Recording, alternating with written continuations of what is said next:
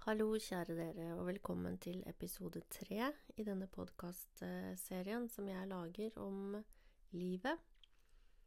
Eh, I dag så skal jeg fortelle dere om et kjærlighetscrew, men aller først så skal jeg lese en tekst. Som brusende vann renner blodet gjennom kroppen din, et bevis på liv. Jeg fikk en melding i dag hvor jeg ble omtalt som tøff, men nei, det handler aldri om tøff eller ikke tøff. Det handler om å velge livet for deg. Det eneste vi vet med 100 sikkerhet, det er at vi alle skal dø. Men før det, så lever vi. Så hva betyr nettopp å leve for deg? Ikke for naboen, sjefen, venner eller familie.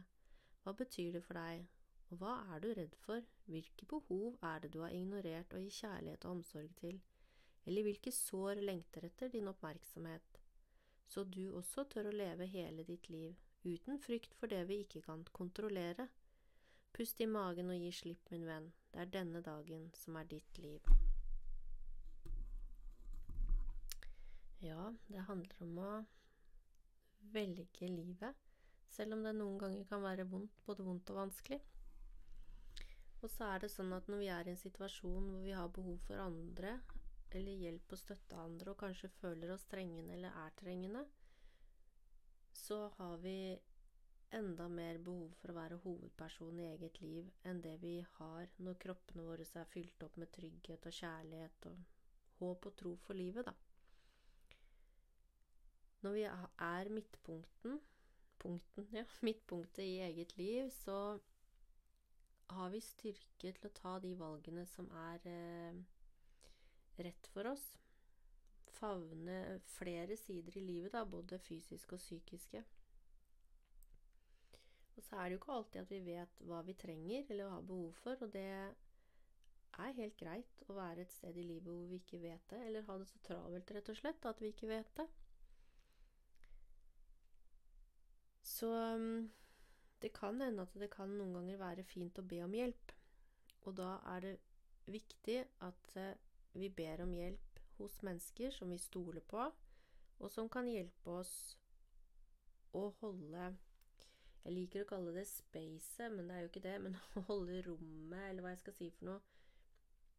Eh, for noen ganger når livet er vanskelig, så kan det jo kjennes ut som nå orker vi ikke mer. Nå klarer vi ikke å holde livet vårt lenger. Så på en måte å få hjelp og støtte til å stå i akkurat det, da. For det andre kan jo uansett ikke gjøre noen valg for deg, men de kan være der for deg. Eh, så det er viktig å omgi seg og velge mennesker som støtter deg til å tro på at du har styrken, men at de heier deg frem og holder deg. Så når det oppsto sykdom da, i livet vårt eh, på en måte som gjorde at alt raste sammen, og jeg gikk jo helt i sjokk um, selv om jeg inni meg et eller annet sted visste, så var det noe med at den brutale virkeligheten uh, var der så virkelig, da.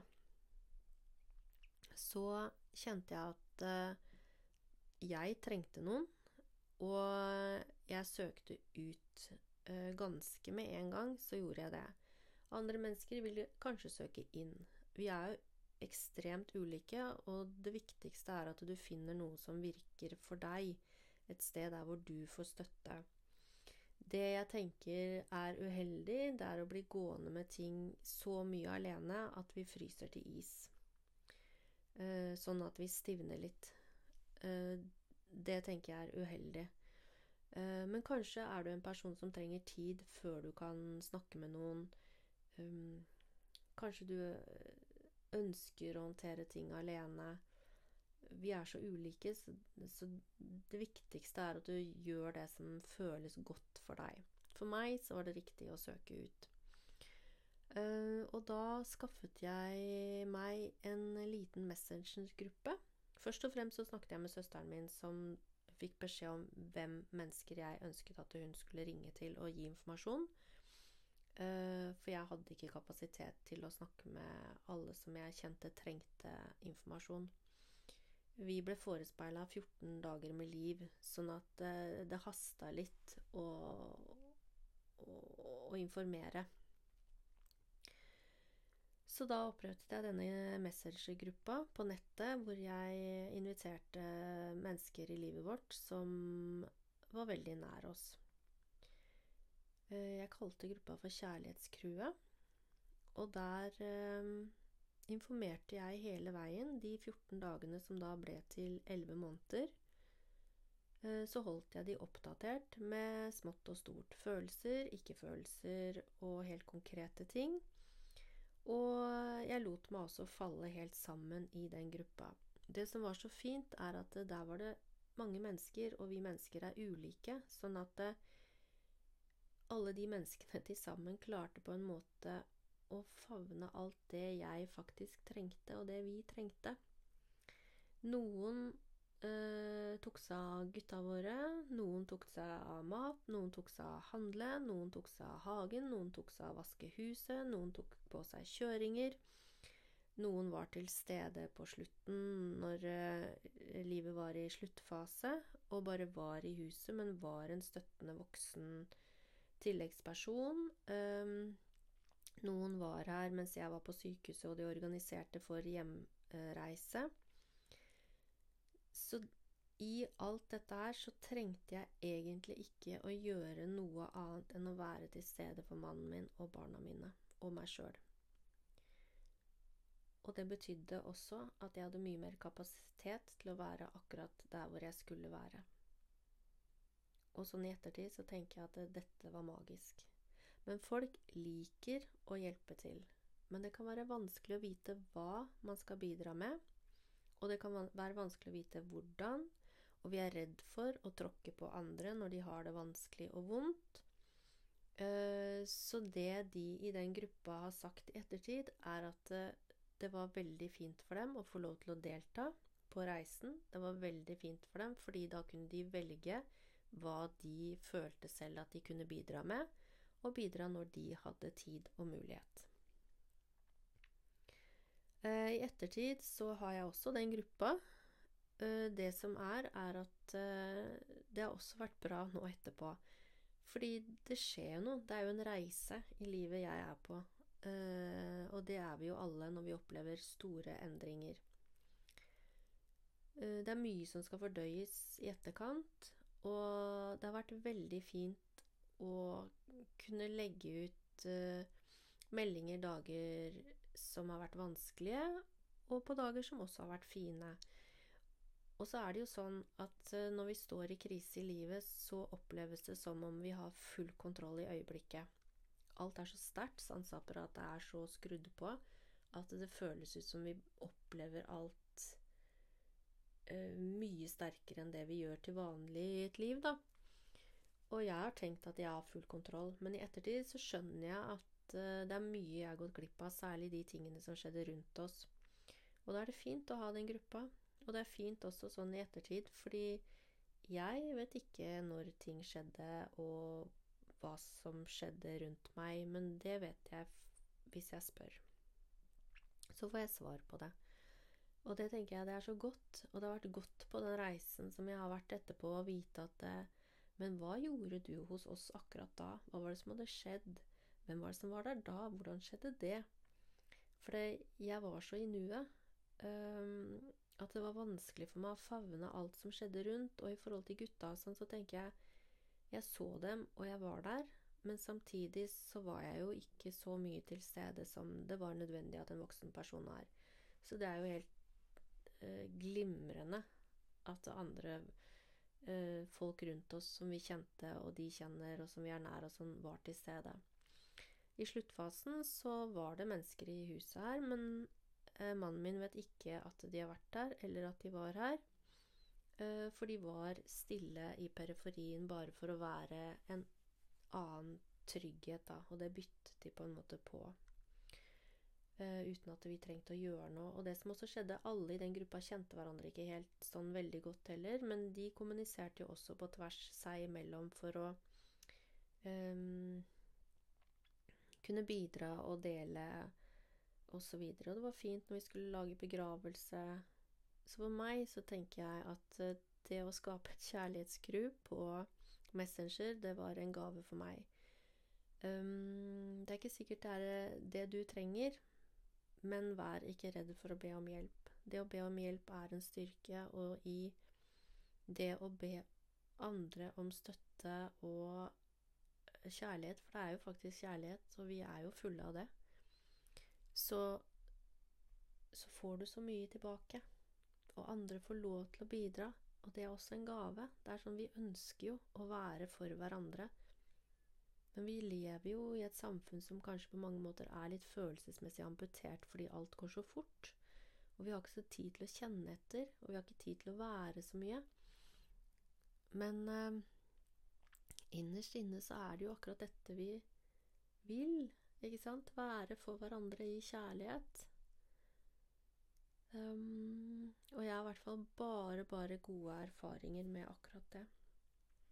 Det var egentlig jeg kjenner at det har vært veldig viktig å, å ha, ha, den gruppa, da. Og så er det opp til hver enkelt å finne ut hva man trenger, og i hvilken form. Noen ganger så er det kanskje lettere å be om hjelp enn andre ganger også. Det handler sikkert litt om hva det handler om.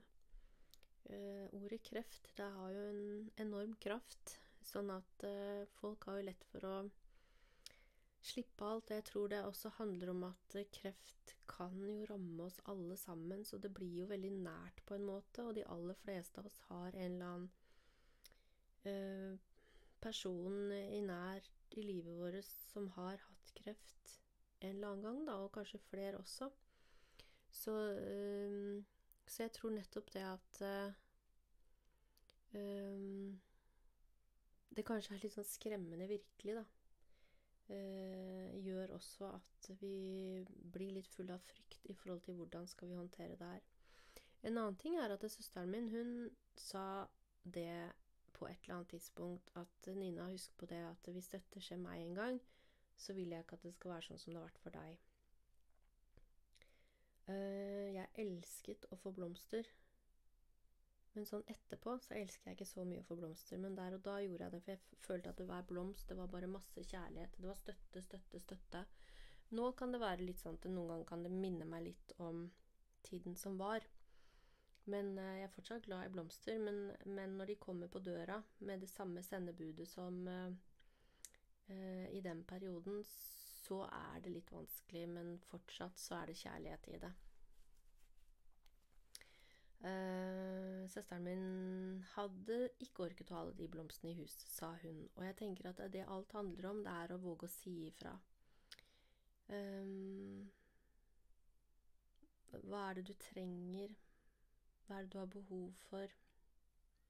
Hva er det du ønsker fra andre?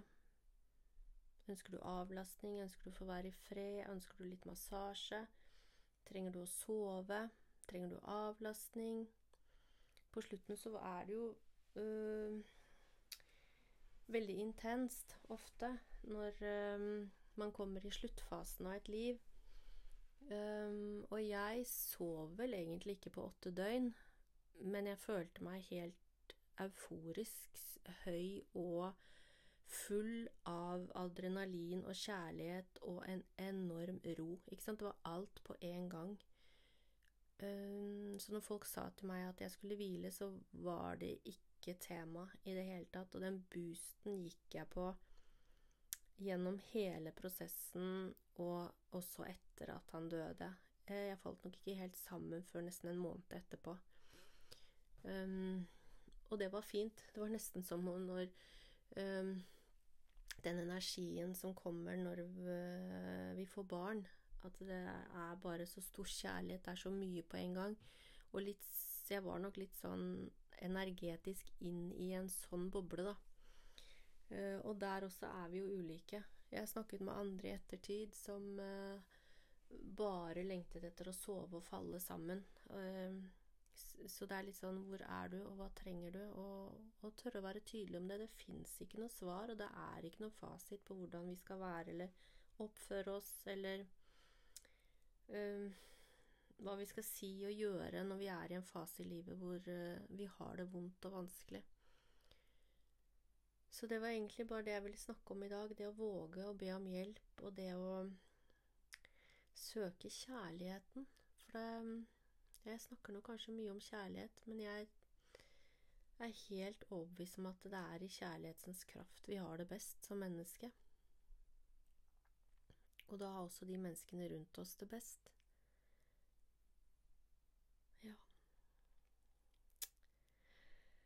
Så da inviterer jeg dere til å være med på en liten kjærlighetsmeditasjon hvis dere har lyst på det, og kjenne etter litt i kroppen. Så hvis dere setter dere godt til rette, eller legger dere ned Trekker pusten godt inn, ned i magen. Fyller kroppen med ny oksygen og slipper sakte og godt ut igjen. Kjenner at du er godt nedpå underlaget. Kroppen er lett og ledig. Du er rett i ryggen. Slapper av i panna, i øynene. Kan gjerne lukke øynene. Slapper av i kinnene og kjevene. Tunga kommer ned i munnen. Kjenner at nakken er lett og ledig, og skuldrene faller ned. Armene henger tungt langs siden eller i fanget. Ryggen faller godt ned. Av i magen, rumpa og lårene og leggene og føttene. Puster du, bli oppmerksom på pusten din. Trenger ikke å endre den, bare kjenne etter at, hvordan den går i kroppen.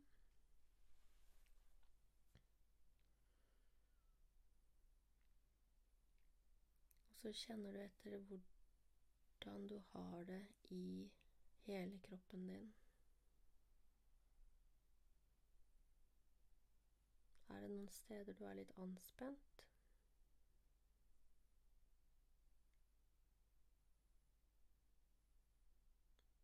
Er det noe du kjenner at du gjerne skulle hatt hjelp til?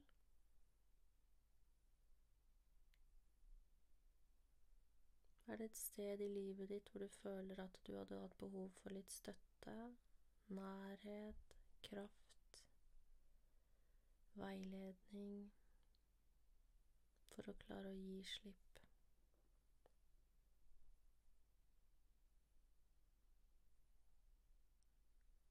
Hvilke følelser har du knyttet til dette, og hvor i kroppen sitter det?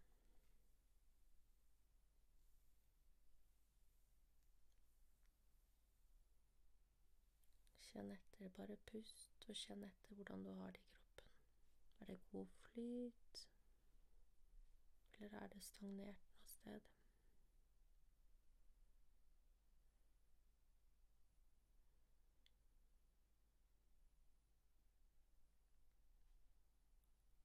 Hvis du har et område i kroppen din hvor du kjenner at her skulle du gjerne hatt litt hjelp, her er det litt vondt, sårt, eller det er tungt å bære alene, mange tanker, følelser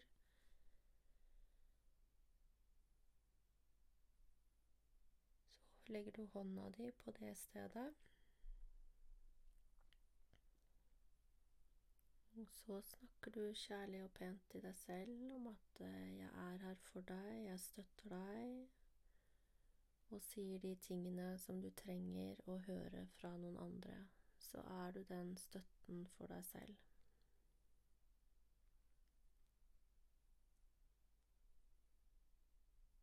Du kjenner du hvordan hånda gir kjærlighet til dette området, varme, ro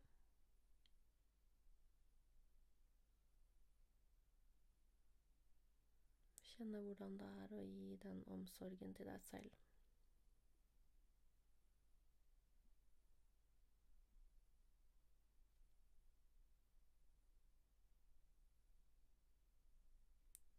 Trekker du pusten dypt ned i magen. Så når du slipper pusten ut igjen, så har du fokus på at du gir slipp og gir rom for ny energi inn til dette området.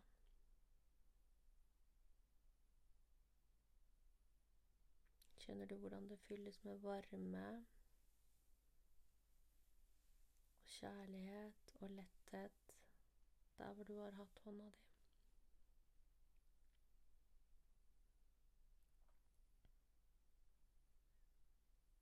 Og når du er klar, så kan du åpne øynene dine. Så kan du tenke etter om du har behov for å skape deg et lite kjærlighetsskru. Tusen takk for i dag, så høres vi igjen om en uke.